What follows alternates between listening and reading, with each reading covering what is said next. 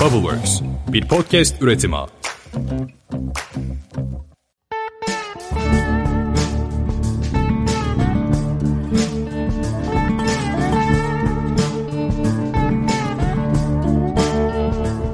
Merhabalar, Bir Çift Üzüm'ün 20. bölümüyle sizlerleyiz. Ben Emre. Merhabalar, ben de Gözde. Bugün sizlere nelerden bahsedeceğiz? Bugün iyi şarabın nasıl anlaşıldığından yine çokça merak edilen bir konu. Şarapları birbirinden ayıran özelliklerden bahsedeceğiz. Bugünkü konuğumuz ise Sauvignon Blanc ya da Sauvignon Blanc. Bunun okunuşuna Sauvignon yine Blanc, geleceğiz. Evet. ya da farklı bir şeyler. Evet. Peki şöyle yapalım. Biz her zaman böyle bir konukta takılıyoruz sanki değil mi? Açılışı yaparken böyle bir konuğa Evet. sevdiğimiz için sanırım böyle oluyor. Aslında iyi şarap nasıl anlaşılırla başlayabiliriz. Hmm, bu sefer direkt başlıyoruz. Direkt başlıyoruz. Çok iyi.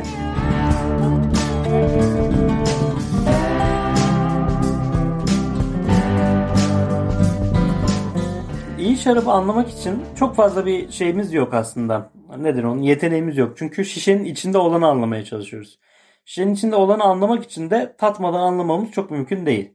Öncelikle bunu söyleyelim. Hani muhtemelen şeyi arıyor insanlar. Ya ben şişeye bakarak bu iyi mi değil mi nasıl anlarım marketten ona göre seçeyim diyorlar ama öyle bir şey maalesef mümkün değil. Hatta biz tadımlarda şunu da bir keresinde arkadaşlarımızla toplandığımız zaman e, şişeleri göstermeden kadehlere koyduk. İşte bu hangi şarap bu hangi şarap diye konuşurken Kavakdere ya da işte farklı firma dediğimiz zaman farklı tepkiler alıyoruz. Bilmem ne firması dediğimiz zaman başka bir tepki alıyoruz. Bu da aslında hani şişeyle anlaşılmayacağını biraz daha tadarak anlaşılacağını ifade ediyor. Şişenin dışındaki etikette ne yazarsa yazsın içindeki şarap en önemli şey bizim için. Şimdi dışarıdan şu kıstaslara bakabiliriz aslında. Etiket düzgün mü mesela? Yani bazı şarap şişeleri görüyoruz. Etiketi böyle çapraz yapıştırılmış, farklı yapıştırılmış, soyulmuş. Hani demek ki çok fazla kıymet vermiyorlar o firma üretime. Çünkü bu üretim bir bütün ve bu bütünü sağlamakta önemli. Kalite de bu bütünün parçası aslında. Hani ben hiç görmedim ki böyle çok kaliteli bir şey çok kötü bir ambalajda satıldığını hiç görmedim. Sen gördün mü?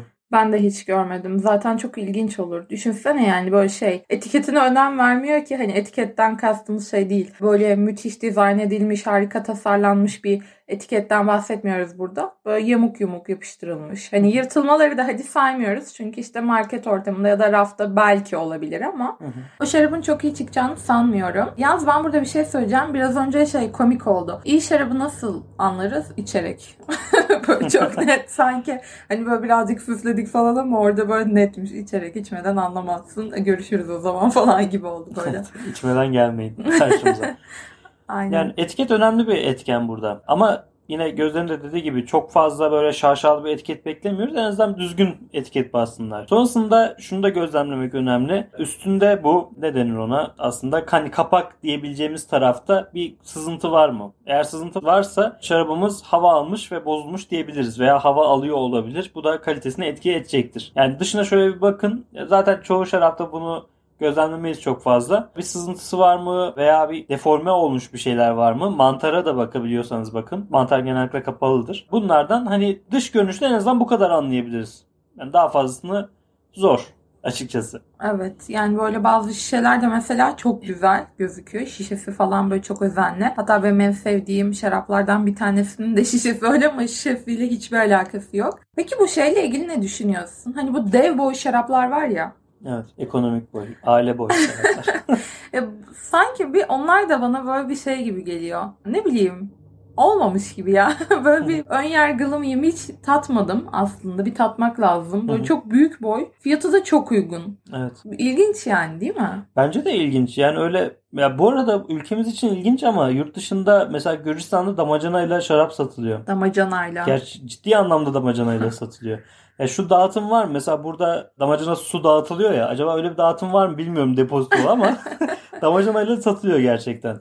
Böyle koca koca kaplarda. O anlamda hani yurt dışında güzel şaraplar belki büyük şişelerde satılıyor olabilir ama Türkiye'de o büyük şişelerde kaliteli bir şarap olduğunu düşünmüyorum. Bunun da sebebi şimdi o büyük şişelerin arkasına baktığımız zaman üzümü göremiyoruz. Hangi üzümden yapıldığını göremiyoruz. Şu an baktığımız zaman endüstride 20'den fazla şaraplık üzüm kullanılıyor. Ama bizim yüzlerce üzümümüz çeşitimiz var. Yani bu şu demek kaliteli şarap elde etmek için kaliteli bir üzüm kullanmamız lazım. Ama gidip pazardan aldığımız bir üzümü şarap yaparsak o kaliteli olmuyor.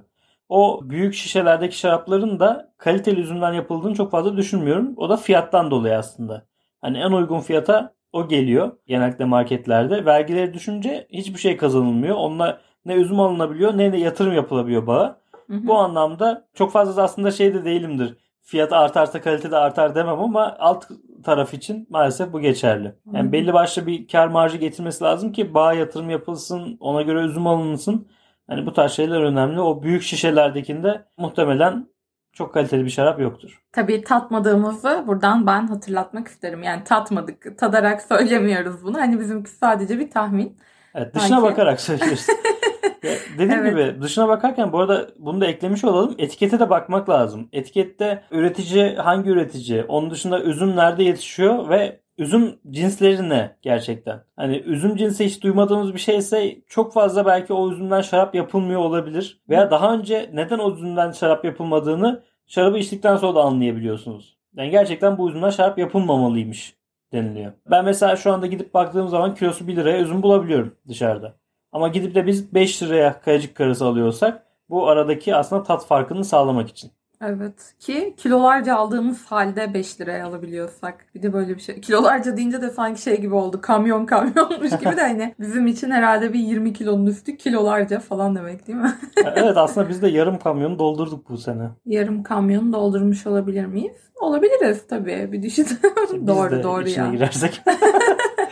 Evet Yavaş evet biraz doluyor. fazlaydı. Ya aslında bence şu tarz bir şey var. İyi şarap Emre'nin dediği gibi anlaşılabilir. Kesinlikle katılıyorum. Ama bir taraftan da mesela aynı segmentte işte aynı fiyatta yaklaşık olarak benzer etiketlenmiş şekilde ya da işte hani benzer segmentte diyelim. İyi şarap aslında bence birazcık da sevdiğiniz şaraptır. Ben de böyle bir romantik bir giriş yaptım. Evet. Daha Olabilir, tada geçiyoruz. Evet. Tatta da ben ondan bahsedeceğim.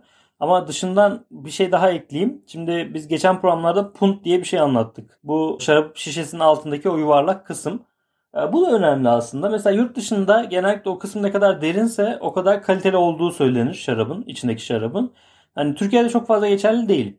Ama şu da bir gerçek. O puntu yapmak için bir maliyet gerekiyor. Şirket bir yatırım yapıyorsa şişesine o puntu da derin yapıyor. O zaman şarabına değer veriyor demek olabiliyor. Yani o derinliğe yönelik de hani kalite dengesini belki kurabiliriz. Öyle olunca da ben bütün şişeleri saklamak istiyorum. Güzel şişeleri. Ama niye saklayayım ki diye düşünüyorum sonra. Diyorum ki yani hiç gerek yok. Birazcık minimalist takılalım. Evet. Geri atıyorum ama yine de böyle şey saklamak istiyor insan güzel şişeleri. Sende de oluyor mu? Tabii çok şık şişeler var. Özel çıkmış şişeler var. Tabii yer kalmıyor ama bir şekilde. Emre muhtemelen derin bir iç çekişine sebebi böyle şey. Şimdiye kadar biriktirmeye çalıştığı şişeleri bir düşündü. Sonra sığmadığını falan. Evet. Onun dışında tada geçelim senin dediğin gibi. Şimdi kaliteli şarabı, iyi şarabı iyi yapan en önemli etken aslında tadı. Ve bu tat da kişiden kişiye çok değişen bir şey. Mesela ben hep aynı örneği veriyorum. Ben kayıcı karısını seviyorum. Ve bana Cabernet Sauvignon ağır geliyor ve dünyanın en kaliteli Cabernet Sauvignon'u da getirseler belki bir işte 100 liralık kayıcık karısına tercih etmem. Çünkü kayıcık karısı benim damak zevkime daha uygun. O yüzden iyi şarabı anlamakta kendi damak zevkinize uygun üzümü bulmak çok önemli bir nokta. Onu bulunca bence zaten epey keyifli hale geliyor. Mesela fark edeceksinizdir. İşte Emre ile beraber denediğimiz şaraplar arasında gerçekten çok pahalı. Hem sevdiğimiz yani pahalı ve sadece böyle mahzen tarzı yerlerde bulunacak şarap, satan yerlerde bulunacak şaraplar da var.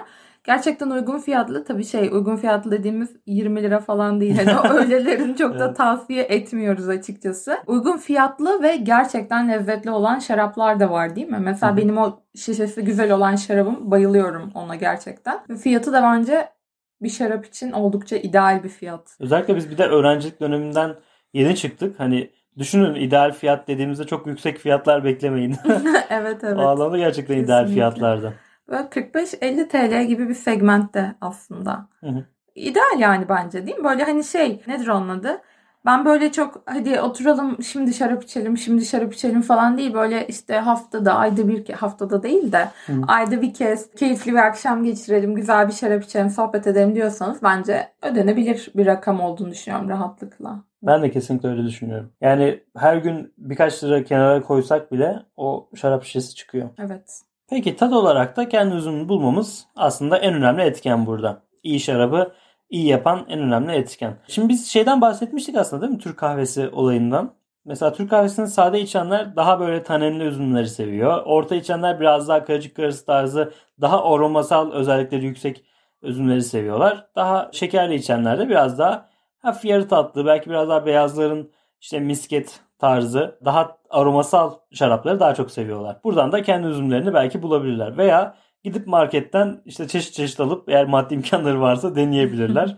hani böyle böyle ya da işte haftada bir bir kadeh bir kadeh farklı şeylerden içerek de deneyebilirler. Böyle farklı şekillerde kendi üzümlerini bulabilirler. Şöyle de oluyor tabii burada. Mesela biz Emre ile sürekli diyoruz ki Tunalı tarafında sık sık gittiğimiz bir mahzen var. Orada da hem yeni gelen şarapları incelemeyi hem de farklı şeyler denemeyi seviyoruz birazcık daha. Gidiyoruz diyoruz ki gitmeden önce hep aynı şeyleri alıyoruz. Bu sefer yeni bir şey alalım. Birçok şarap çeşidi var. Bunların tadına bakalım mutlaka güzel olur. Sonra gidiyoruz. Mesela iki çeşit şarap alacağız. Hep o ikisi de farklı şarap olmuyor kesinlikle. Oraya gidip de yine o en sevdiğimizi görünce ya bundan bir alalım. Bir tanesini alalım sonra başka zamanda işte onu deneriz. Ama yine hiçbir zaman hiçbir gidişimizde hep yeni şaraplar alamıyoruz. Mutlaka ama mutlaka o sevdiğimiz şaraptan ya da sevdiğimiz şaraplardan birer tane alıyoruz değil mi? Evet. Biz şarapları tadımlarda falan anca tadabiliyoruz. ya da bir arkadaş ortamına gitmişsek orada bir şarap açılmışsa belki orada tadabiliyoruz. Böyle Olur, kısır, fix. Evet kısır bir döngüye giriyor aslında. Gitmeden önce diyoruz ki yeni bir şarap alalım. Gittiğimizde diyoruz ki aa bizim şarap hadi bunu alalım. Sonra bir hafta sonra iki hafta sonra diyoruz ki ya biz hiç yenisini almıyoruz yeni bir şarap alalım. Hep Hı. aynı bu şekilde. Bir ara hatta şöyle olmuştu biz yeni bir şarap yapalıma dönmüştük. şey Sauvignon Blanc yaptık bir de Cabernet Sauvignon yapmıştık hatırlıyor musun? Evet evet çok çok güzeldi. Evet ondan sonra aman kayıcı karısına devam deyip geri. Tamam. Belki oldu. beyaz değişiyor bizde işte bu sene Hasan dede. Geçen evet. sene Cabernet Sauvignon Blanc. Yani beyaz biraz değişiyordu. Kırmızı biraz fixlendi sanki. Ankara'da olmamızla hiçbir alakası yok diye düşünüyorum. Tabii canım bence de hiçbir alakası yok. Tamamen kacı karısı Bağımızın burada olmasından. Tabii tabii, hiçbir alakası yok. yani Elazığ'a da gider alırız. Diyarbakır'dan da alırız. Öküz gözleri, işte boğaz kareleri falan da. Hani Kalecik karasını seviyoruz. Gerek yok. Kesinlikle. Peki bir de şundan da bahsedeyim. Mesela kaliteli yapan etkenlerden bir tanesi de iklim aslında. Üzüm ne kadar güneş alırsa o kadar şekerli daha böyle floresal aromatik bir tada bürünür. O da şaraba yansır. O anlamda güneşli geçen yıllarda en kaliteli şaraplar üretilir. Yani üzümün güneşlenme süresi çok önemli bu konuda. O yüzden belli başlı yılları takip edebilirsiniz. Mesela benim için 2013 çok güzel bir yıldı. Ben takip ettiğim ve şaraplarını çok beğendiğim bir yıldı. 2015 de aynı şekilde. Hani böyle yılları takip edip o yılların şaraplarını da alabilirsiniz. Onlar daha iyi olacaktır. Yani o yılın kötü şarabı bile diğer kötü şaraplardan daha iyi olacaktır. Güneş aldığı için. Bunun şeyle de alakası yok değil mi? Senin 2013'ü en çok sevmenin sebebi o yıl şarap yapmanla falan da hiç alakası yoktur. Hani biraz önce Kayacık Karası'nın Ankara'da hiç alakası yok dedik ya. yok ben 2013'ün farklı bir firmanın şarabını seviyorum. Kendi şaraplarım değil de. Anladım. Kendi şaraplarımı zaten çok seviyorum. Yani farklı bir firmada staj yapmasıyla da bağlantısı olmaz diye düşünüyorum bunun. evet güzel bağlantılar arıyorsun ama yok 2015'te orada staj yine yapmıştım. Yine mi olmadı? Yok yine olmadı. tamam, tamam çok zorlamıyorum o zaman ben şansımı. Ama böyle hep kendi yaptığı insan için kıymetlidir ya. Mesela ben şey evde bir yemek yaparım derim ki nesi kötü olmuş eleştirin açık kapı bırakırım. Ama eleştirdikleri zaman da böyle bir tadına bakıyor aslında çok iyi neden böyle dediler ki falan böyle insan kendi yaptığını içinde bulunduğunu ayrı bir sevgi besler ya. Evet. Kesinlikle bir de övülmeyince şey olur ya kendin yapsaydın.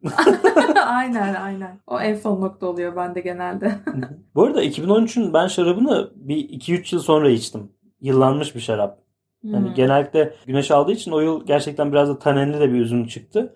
O yıllanmış şarabı ben içmiştim. Gayet güzel. Hani hala bulsam muhtemelen alırım. Ama tabii bir yıldan sonra belli başlı yıldan sonraki 2013'te bozulmaya başlamış olabilir. E, yıllanma potansiyeli de olduğu için bozulmaya başlıyor. Artık onlar piyasada da bulunmuyor. İçmemeniz de gerekiyor zaten çoğunu. Evet. Öyle olabiliyor gerçekten. Sonra sıkıntı yaratabilir çünkü. Evet hep anlatıyoruz ya benim tadımlarda söylüyorlar benim evimde 1915 Çanakkale Savaşı'ndan kalma şarap var. Hani bunu ne yapayım içeyim mi falan diyor. Biz de atın diyoruz. Yani ya da sirke de artık çok yapılabilir mi? Çünkü içindeki reaksiyonlar farklı şeyler de çıkartıyor. Bir yudum bir tadına bakılabilir ya. Ucundan. Çok merak ediyorsan bir yudum. Öldürmez süründürür diyorsun. Belki olabilir. Ya o kadar yıllanmış bir de oda koşullarında kesin bozulmuş oluyor. Ama böyle bir yeraltı şehrim falan olsa. O çok Yeraltı havalı şehrim oldu. olsa müthiş olur. Aynen şey değil böyle. hani bir toprak kuyun olsa içine gömsen falan değil de yeraltı şehrin olsa. Gerçekten müthiş olur. O Uber, çok- Uber'i çağırırım. Martı uygulaması olur. Bir de öyle iyice de şey yaparım, organize ederim. Müthiş bir şehir olur benim şehrim olsa. Çok iyi ya. Orada saklanabilir ama böyle değil mi? Yani yeraltı koşullarında serin, güneş görmüyor. Çok uygun bence. Yani bence çok uygun. Başkası için uygun değilse Niye çok da saklanmasın önemli ki? değil. Yok Kesinlikle. saklanmaz. Neden saklanmaz? Biz daha şarapta yıllanmayı henüz anlatmadık. Bu şarapta yıllandırmayı da birkaç bölüm sonra anlatacağız. Şimdi yıllandırmak için belli başlı bir organik potansiyel olması lazım. Bu organik potansiyeller de taninlerle ilgili şeyler aslında. O yüzden her şarap yıllandırılmaz. Özellikle Türk şarapları hani 5 yıldan sonra çok azı yıllandırılabiliyor. O yüzden söylüyorum aslında. Yani şimdi kimsenin yeraltı şehri yok. Yıllandırılabilir desen ne olurdu ki burada? Sadece ve sadece yeraltı şehirlerinde yıllandırılabilir. yeraltı şehri olanlar denesini yapacaktım. Evet. Hiçbirimizde olmadığına göre. Değil mi? Peki yeraltı şehrimiz olursa ileride belki bir deneme şey- şansımız olur. Evet o zaman bizi dinleyenleri de çağırırız. Yeraltı şehrimize davetlisiniz bulursanız. Evet. Bir de şu da çok önemli. Mesela güneş alma süresinden bahsettik ya. Yurdun her tarafı aynı güneşi almıyor. Çok ilginç bir şekilde. Açıyla da ilgili çünkü. Nerede yetiştiği de bu yüzden çok önemli. Mesela Ankara'da yetişen kayacık karısıyla denizde yetişen kayacık karısı çok farklı şarap veriyor. Denizde yetişen daha asidik, daha fresh şarap verirken Ankara'daki daha baharatlı notlar verebiliyor. Bu yüzden iyi kalitede şarabı almak için nerede yetiştirildiğine de bakmamız gerekiyor. Mesela Sauvignon Blanc e, daha çok Fransız menşeli, Bordeaux Bordeaux menşeli bir üzüm. Oradan gelen Sauvignon Blanc denizde yetişenden çok farklı olacaktır. Oradaki daha kaliteli olabilir muhtemelen. Olabilir evet. Bir nokta daha var. Bağın yaşı. Hasat ettiğimiz bağın yaşı ne kadar yaşlı olursa o kadar kaliteli üzüm veriyor. Bu da o kadar kaliteli şarap yapmamıza sebep oluyor. Çok iyi aslında değil mi ya böyle gerçekten. Lezzet de fark ediyor bence. Üzümü yerken bile hani bırakın şarabı üzümde bile fark ettiğini düşünüyorum ben. Sen de öyle düşünüyor musun? Ne anlamda? Çok lezzetli oluyor üzümleri. Mesela bu bizim aldığımız bağda epeydir bağcılık yaptığını söylüyor adam. Hı hı. Ve hani oradan yediğimiz kalecik karasıyla farklı bir yerde yediğimiz kalecik karası çok şey değil. Aynı farklı. değil tat olarak. Evet. Bayağı lezzetli. Biz iki yıl önce Yeni Kent'te bir bağdan da deneme olarak almıştık. Biz Hı hı. hani her sene zaten belki dinleyicilerime de daha önce söylemişizdir. Farklı bağları da kontrol ediyoruz her yıl. Ona göre hani potansiyel bağlara da bakıyoruz. Şimdi Kayacık'ta belli başlı bağımız var. Yeni Kent'ten de Kayacık karısı denemek istedik. Gerçekten bu kadar fark olacağını beklemiyordum ben. Yani arada 100 kilometre belki vardır, belki yoktur. 100-150 kilometre. Bu gerçekten çok farklıydı.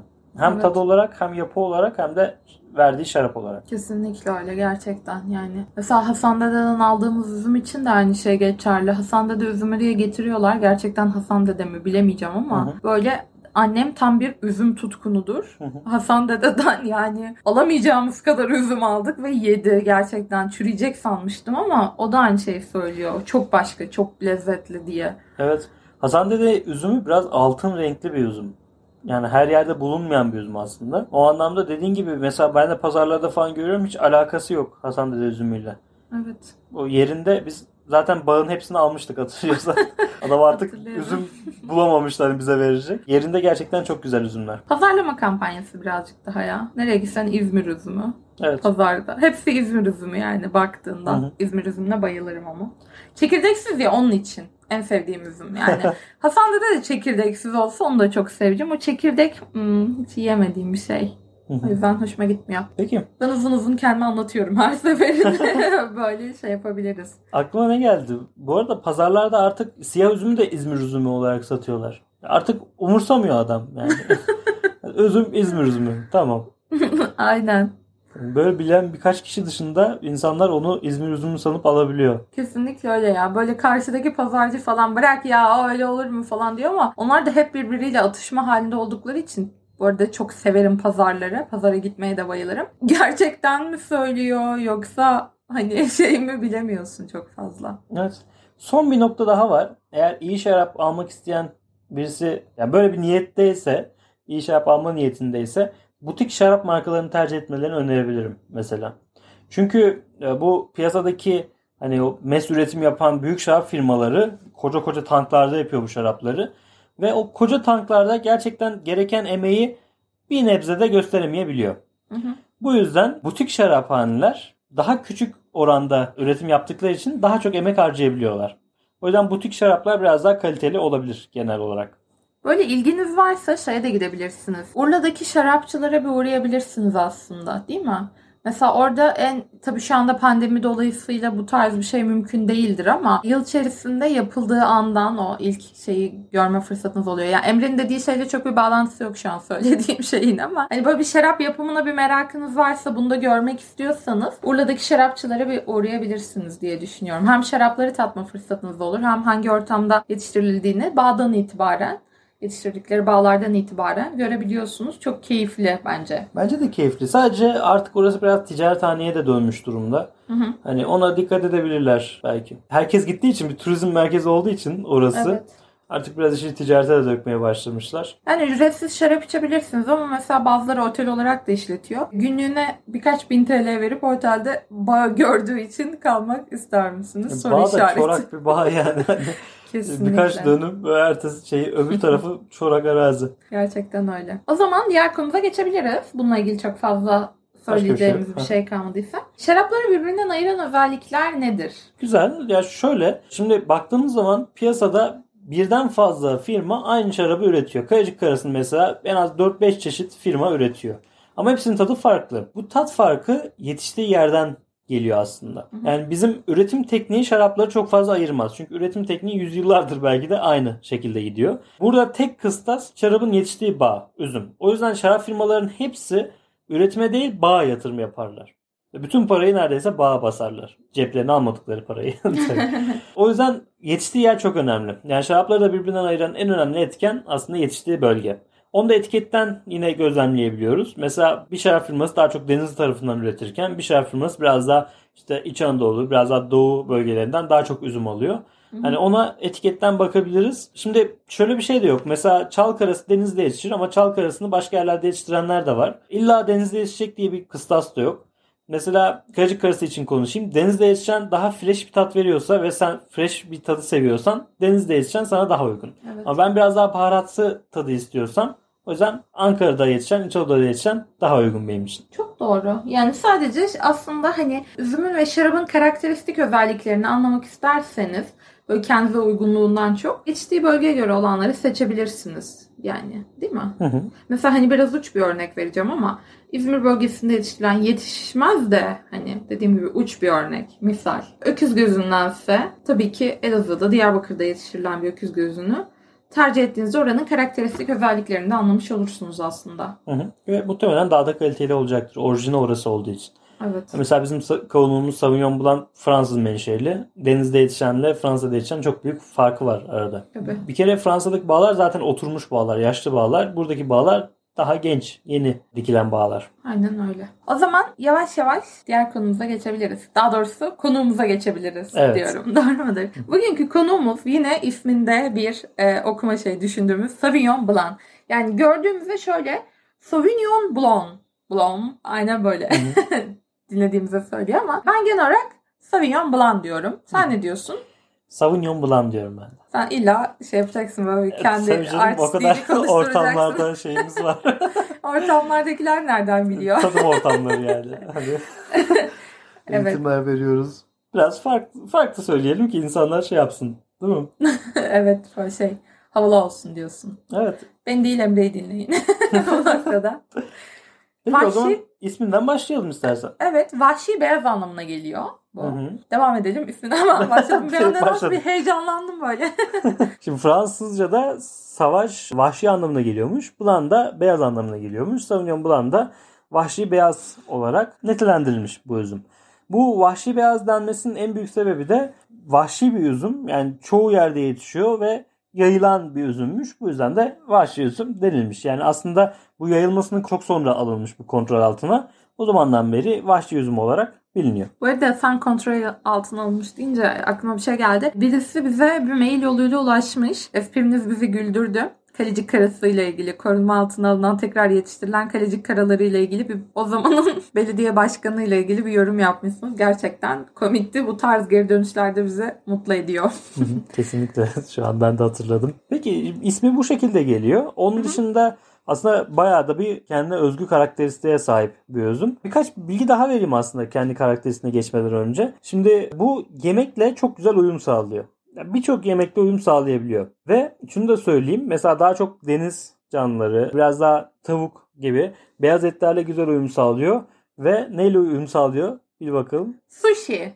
Nereden Evet. bildim acaba? Kopya çekmiştim notlarından Hmm. programdan. Kesinlikle birçok şarap aslında sushi ile uyum sağlayamaz ama Sauvignon Blanc sushi ile güzel uyum sağlıyor. Bu da böyle ilginç bir bilgi aslında. Sushi seviyor musun? Ben sushi'ye bayılırım. Ben sevemiyorum. Ya aslında denizden babam çıksa yerim diyenlerdenim. Gerçekten deniz ürünlerine bayılıyorum ama sushi, yosun, of benim korkulu rüyam ya gerçekten. Kendisine zaten dokunamam. Hı hı. Sushi için olanlarını da asla yiyemediğim bir şey sushi. Anladım.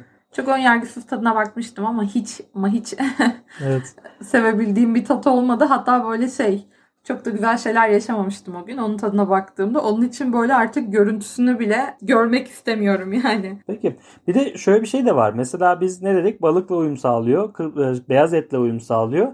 Ve kremalı soslarla da güzel uyum sağlayabiliyor. Sauvignon Blanc. Bunu da böyle ekleyelim. Belki kremalı makarnalarınızla tercih edebilirsiniz. Makarna karbonhidrat açısından zengin olduğu için kırmızı şarapla daha çok tercih ediliyor. Doğru. Ya bunu biliyorum. Bunu söylüyorsun ama Evet. kremalı dediğinde ben hep yani krema benim makarnada bir tutkum. O yüzden de hep ama hep makarna krema evet harika. yani hiç uyum sağlamasa bile ben o makarnayı illa tadımlarda da aynısını yapıyorum. Ömrümün peşinden koşa koşa geliyorum ve makarna. Hayır makarna kırmızı hayır. Krema dedin o tabii, makarnaya yakışacak illa. Öneri sonuçta yani deneyen ve beğenen de vardır muhtemelen. Tabii denemedim ama olsun. O makarnaya yakışacak o krema. Peki. Şimdi Sauvignon Blanc eğer meşe fıçıda beklerse Fume Blanc ismini alıyor. Meşe fıçıda beklemiş de biraz daha dumansı, odunsu tatlara sahip olabiliyor. evet aynı füme etlerde olduğu gibi. Ha, evet aslında o füme oradan geliyor. Bunun dışında şunu da belirteyim. Şimdi metoksipyrazin diye bir organik bileşik var. Bu metoksipyrazin daha çok şaraplarda işte green aromalar dediğimiz biraz daha otsu aromaları öne çıkartan bir bileşik. Bu da ilk defa Sauvignon Blanc'da isimlendiriliyor diyeyim. Aha. Genellikle yoğun da olarak da bulunuyor. Bordo şaraplarında Bordo'da yetişen üzümlerde genellikle bu metoksipyrazin bulunuyor. Peki birazcık da hangi aromaları anımsattığından bahsetsek mi? Tamam bahsedelim. Şimdi Sauvignon Blanc e, birçok yemekle uyum sağlamasının en temel sebebi aslında içinde birçok aroma şeyinin bulunması. Aroma kompandının bulunması. Şimdi başlıca şunlar bulunuyor. Biraz daha kereviz tarzı, misket limonu tarzı, işte çimen az önce bahsettiğim e, metoksipyrazinden kaynaklı yeşil bitkiler, şeftali, dolmalık biber tabi bunların hepsi yetiştiği yere de bağlı. Hı hı. Yeşil elma ve çok ilginç bir şey bu kedi izrarı da kokusu da hissettiriyor. Cat pee diye geçiyor. Kedilerden hiç hoşlanmam. Artık bu şaraptan da yani hoşlanacağımı hiç sanmıyorum. Kedi sahipleri daha çok bu kokuyu alabiliyor ama bu koku da çok ilginç bir şekilde bu şarapta bekleniyor. O zaman kedi sahipleri için çok ım, hoş olmayan bir şey yani. Böyle daha kötü falan demek istemiyorum ama düşünsene. Kedi sahibisin. Hı hı. Her Zaten gün bir içinde aldığın bir kokuyu bir de şarabını da duyuyorsun. Hiç hoş değil. Hani ki, bu kokuyu bilmesen aynı şey gibi daha önce bahsetmiştik ya çilek reçelinin köpüğünün, Köpeğinin kokusu. evet. hani bil, bilmezsen çok da tanımlayabileceğin bir şey değil ama bildiğinde ve bu kokunun ne olduğunu hissettiğinde hoş değil ya. Bir de Tabii kimse için hoş değil. Dediğim eve gibi. alsan böyle bir şeyi mesela bir de kediler hiç rahat durmayan hayvanlar. Çok başka şeyler bile gelebilir aklına şarap açtıktan sonra. Evet ama tabii bu notlar ana notlar değil. Yani ara notlar. O yüzden yani çok arkada da hissedebilirsin. Yapım tekniğine göre hiç hissetmeyebilirsin. Yani hiç böyle bir koku içinde olmayabilir. Tat alma konusunda çok da iyi değilseniz bu şarabı size öneririz diyebilir miyiz o zaman? diyebiliriz evet. Ama dediğim gibi hani Türkiye'de yaşayan Sauvignon Blanc'da bunların hepsini bulmak çok mümkün değil. Çok Yurt ilginç. dışında dikkatli olun diyelim. Tabii bu yine içinde değil. bu bir Tabii ki. koku olarak. Evet ya ilginç. Hoş Bir de- değil pek. Son olarak passion fruit denen çarkıfelek meyvesinin aromaları da bunda bekleniyor. Hiç yedin mi çarkıfelek meyvesini? Yedim. Zorla yedirildim.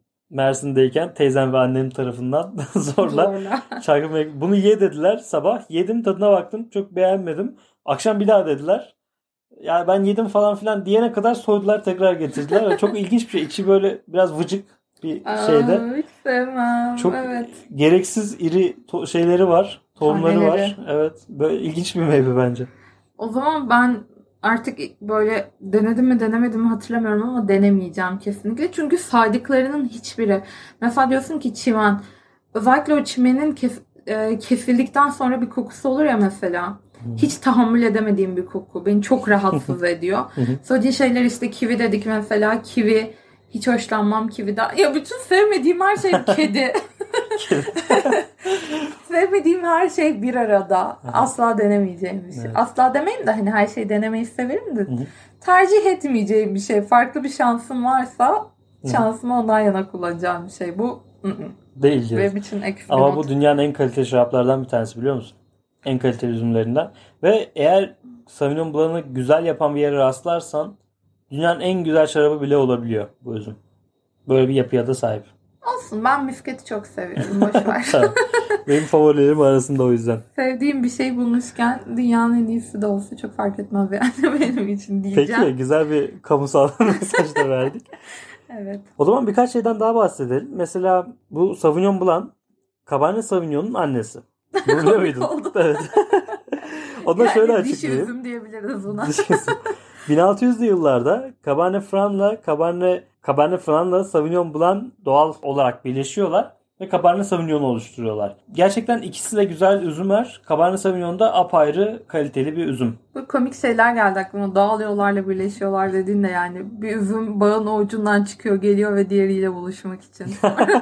Tabii canım bunun flört şeyi oluyor aşaması yani Çok aileler saçma. birbirini istiyor.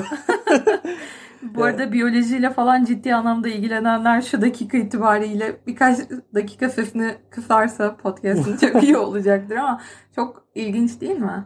evet. Çok da ilginç değil de yani. Ama şöyle bir çizgi film gibi hikayeleştirmeyi denediğinde biraz komik şeyler çıkıyor. Çıkıyor yani şöyle doğal olmayan klonlar işte farklı farklı aşı yöntemleri var, farklı yöntemler var ya. Şu an sürekli aslında üzümler üretiliyor ama bu doğal bir üretim Cabernet Sauvignon. O yüzden belki o kadar güzel ve kendine has şey var. Karakteristik Olabilir. özelliği var. Bir gün bir şey rüzgar, kuvvetli bir rüzgar annesini oradan oraya sürüklerken adını unuttum üzümün neyse şimdi daha az önce söyledin ama orada diğeriyle karşılaşır ve ortaya nur topu gibi bir bebekler gelir ve kim bilebilir ki o bebeğin bir gün dünyanın en iyi kedi idrarı kokulu şarabı olacağını. Bebeği Cabernet Okey. Evet Annesi Sauvignon Blanc. tamam işte böyle bir şeyler karıştı birazcık Evet, ortalık.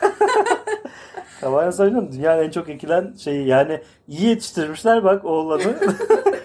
Gitmiş hırs yapmış. Dünyanın en çok yetiştirilen üzümü olmuş. Olabilir. Ben de bir bilgi aktarmak istiyorum. Bunun da bir günü var.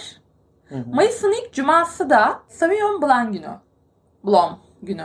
evet. Sauvignon Blom günü. İlginç değil mi ya üzümlerin günlerinin olması? Gerçekten ilginç. Çocuğuna ismini koyanı da duymuştuk. Onunla ilgili esprilerimizi geçmiş bölümlerimizde bulabilirsiniz. Çok kaliteli esprilerdi gerçekten. Evet. Ve bu dünyanın en çok dikilen 8. üzümüymüş biliyor musun? en çok dikilen 8. üzümü. Ve son olarak da şeyden bahsedelim. Sauvignon genellikle Semillon'la blend ediliyor. Yani mesela öküz gözü boğaz kere pajı diyoruz ya. Semillon da Sauvignon Blanc'la kullanılıyor. Ülkemizde çok fazla yok sanırım. Hiç görmedim çünkü. Evet. Gördün mü sen? Yok çok fazla yok. Tabii bu iklimle de çok alakalı. Yani bunlar Fransız menşeli üzümler. Fransa'nın iklimindeki bütün üzümler burada yetişmeyebiliyor. Zaten yetişenler zaten Cabernet Sauvignon tüm dünyada yetişiyor. Sauvignon Blanc tüm dünyada yetişiyor. Yani o anlamda sadece oraya özgü üzümler burada yetişmeyebilir.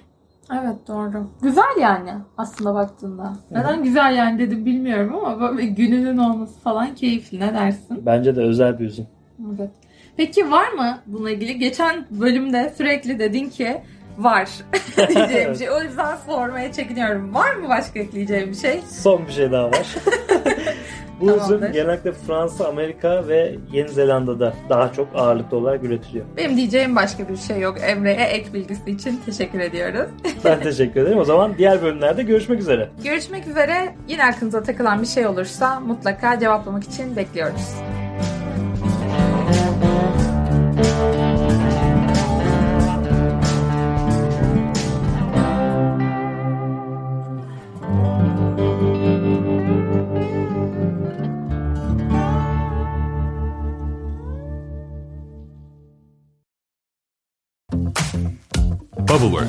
bir podcast üretimi.